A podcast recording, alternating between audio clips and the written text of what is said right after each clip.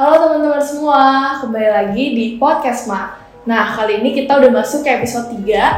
Sebelumnya, perkenalkan, aku Tessa dari Program Studi Hubungan Internasional Angkatan 2022.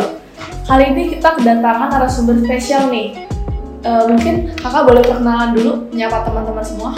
Oke, uh, halo teman-teman, kenalin aku Rizky Mafur dari program studi ilmu pemerintahan angkatan 2021. Bisa dipanggil Kak Rizky atau siapa nih? Dipanggil Kiki aja Kak. Kiki, oke.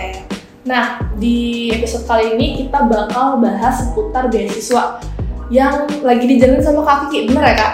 Iya, Ah, keren banget sih. Tapi sebelumnya, eh, aku mau nanya-nanya dulu nih, kira-kira kesibukan Kak Kiki akhir-akhir ini apa?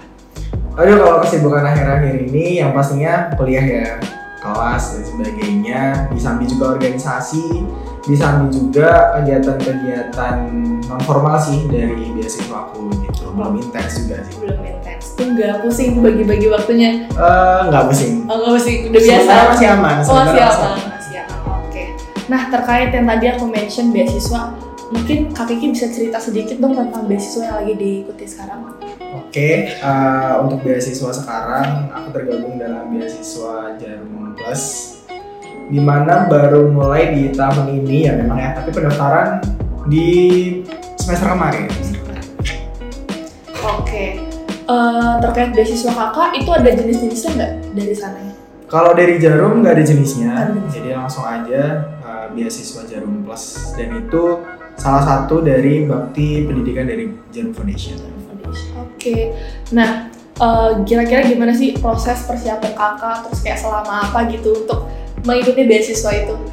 Aduh, kalau ngomong proses pastinya uh, banyak ya dinamika-dinamikanya mulai dari semangat naik, semangat turun. Apalagi beasiswa jarum ini uh, cukup panjang. Hmm. Jadi dimulai itu di tahun ini di bulan April kalau nggak salah, April atau nggak Mei itu baru pendaftaran online. Nah di situ juga berkasnya cukup banyak karena Jarum juga pengen tahu seberapa teman-teman itu uh, niat gitu untuk mengikuti uh, beasiswa Jarum. Jadi emang cukup banyak dan di berkas yang paling ditekenin adalah teman-teman itu harus tergabung dalam organisasi dan Oke. kepanitiaan karena itu tadi ada surat rekomendasi dan surat bahwasanya teman-teman itu aktif di organisasi ataupun di kepanitiaan. Oke, itu eh, salah satu syarat yang paling dibutuhkan ya. Iya. Oke. Nah, eh, kira-kira tahapan seleksinya yang harus dilewatin itu apa aja sih kak? Apakah eh, sesusah itu kak? Atau apakah tantangannya lumayan banyak gitu?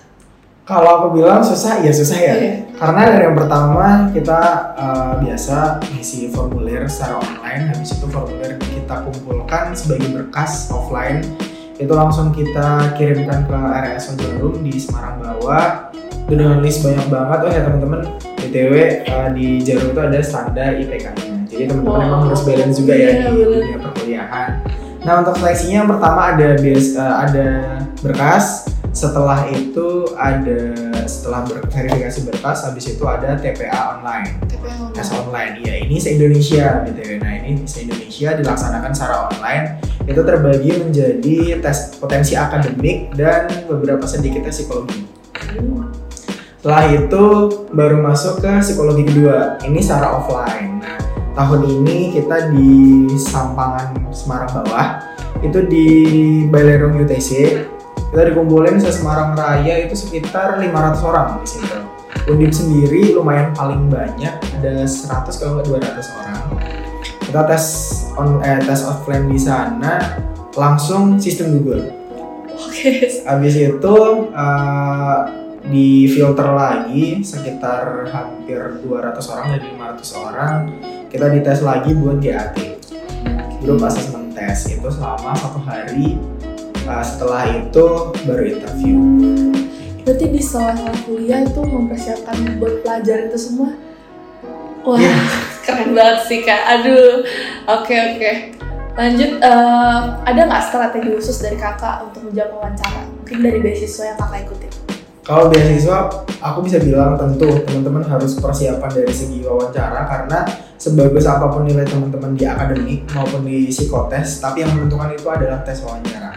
Karena tes wawancara itu penilaian cuma tiga, Eh, rekomendasi, tidak rekomendasi dipertimbangkan. sebagus apa pun tadinya tes potensi akademik teman-teman, IQ teman-teman ketika tidak rekomendasi ataupun dipertimbangkan itu kalah sama yang direkomendasi. Nah untuk tips wawancara sebenarnya uh, kalau dari aku sendiri teman-teman itu harus benar-benar siap di awal. Jadi first impression dari interviewer itu yang akan mengulik berbagai apa ya berbagai kegiatan dan potensi dari teman-teman. Dan beberapa yang mungkin bisa aku kasih ke teman-teman itu ketika menjawab wawancara didahulukan dengan terima kasih atas pertanyaannya.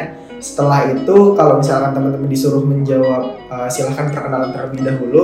Ada beberapa hal yang memang uh, di sini menjadi tip and, uh, tips and trick gitu. Jawab dengan tiga hal yang menggambarkan diri kamu. Gitu. Misalkan perkenalan, nama dari universitas mana, semester mana, dari program studi apa, dan tiga hal yang menggambarkan diri kalian beserta bukti-buktinya. Nah, terus uh, kan kita bisa lihat ya, kamu sekarang udah banyak banget ya beasiswa yang beredar di luar sana. Apa sih yang akhirnya membuat Kak Kiki akhirnya memilih beasiswa jarum ini? Oke, sebenarnya aku apply beasiswa itu dari semester 1 Wah, semester 1 Iya. udah ini ya. Sekitar 9 beasiswa aku approach. Wow. Dan kebetulan sebelum aku di Jarum, aku di beasiswa BRI. Gak apa-apa ya disebutin ya. apa-apa, nggak apa. Ya beasiswa BRI itu sama satu semester. Setelah itu selesai, aku lanjutkan ke beasiswa Jarum karena ya aku tidak menutup mata bahwasannya Jarum ini masih apa ya namanya masih keren gitu kan. Apalagi di semester 5, dari semester 5 itu beasiswa yang paling gede menurutku itu ada Genbi, eh, ada Paragon dan ada Jarum. Kalau misal ke soft skillnya kayaknya lebih keren Jarum. Maka aku setelah dari BRI itu aku cari beasiswa yang memang punya apa ya punya benefit yang benar-benar banyak gitu salah satunya jarum terus aku di situ mengulik apa yang perlu dipersiapkan apa yang menjadi nilai tambahan apa yang memang dibutuhkan oleh jarumnya ya gitu karena kan yang paling penting jarum itu butuh apa dari kita bahannya kita meminta aja kan Nah, kita harus mempersiapkan diri apa sih yang dibutuhkan jarum eh, klasifikasinya seperti apa itu mulai. Oke, ini menarik yang berarti Kak Kiki emang udah dari semester 1 udah planning. Iya. Wah, keren Dari banget Kak. Oh, Itu aku termotivasi sih Kak. ya. Oke, eh, lanjut. Eh, apa aja sih Kak kalau boleh tahu benefit yang Kakak terima setelah mengikuti beasiswa yang saat mengikuti? Hmm, kalau dari Jarum sendiri, sebenarnya aku baru baru apply itu kan pengumuman tanggal 31 ya 30 Agustus.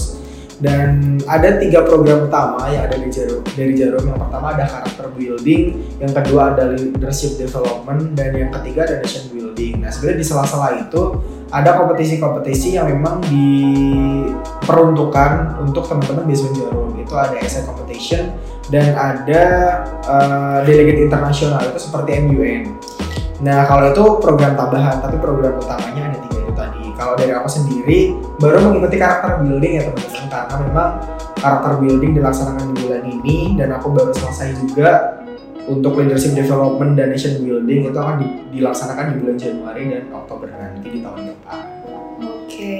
Eh, nah, ada nggak sih Kak aturan yang harus eh, dipatuhi selama menerima beasiswa selain yang tadi IPK minimal itu?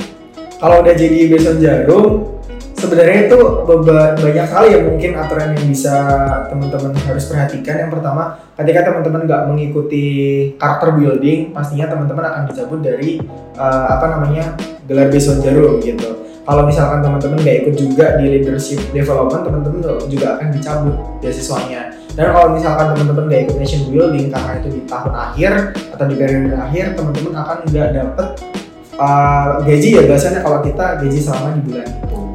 Oke, nah pertanyaan terakhir nih Kak. Eh, tadi kan banyak banget tuh kegiatan yang udah kakak ikutin. Aku penasaran gimana sih eh, kakak tuh bisa menjaga keseimbangan antara akademis, non akademik dan di proses pengajuan beasiswa itu.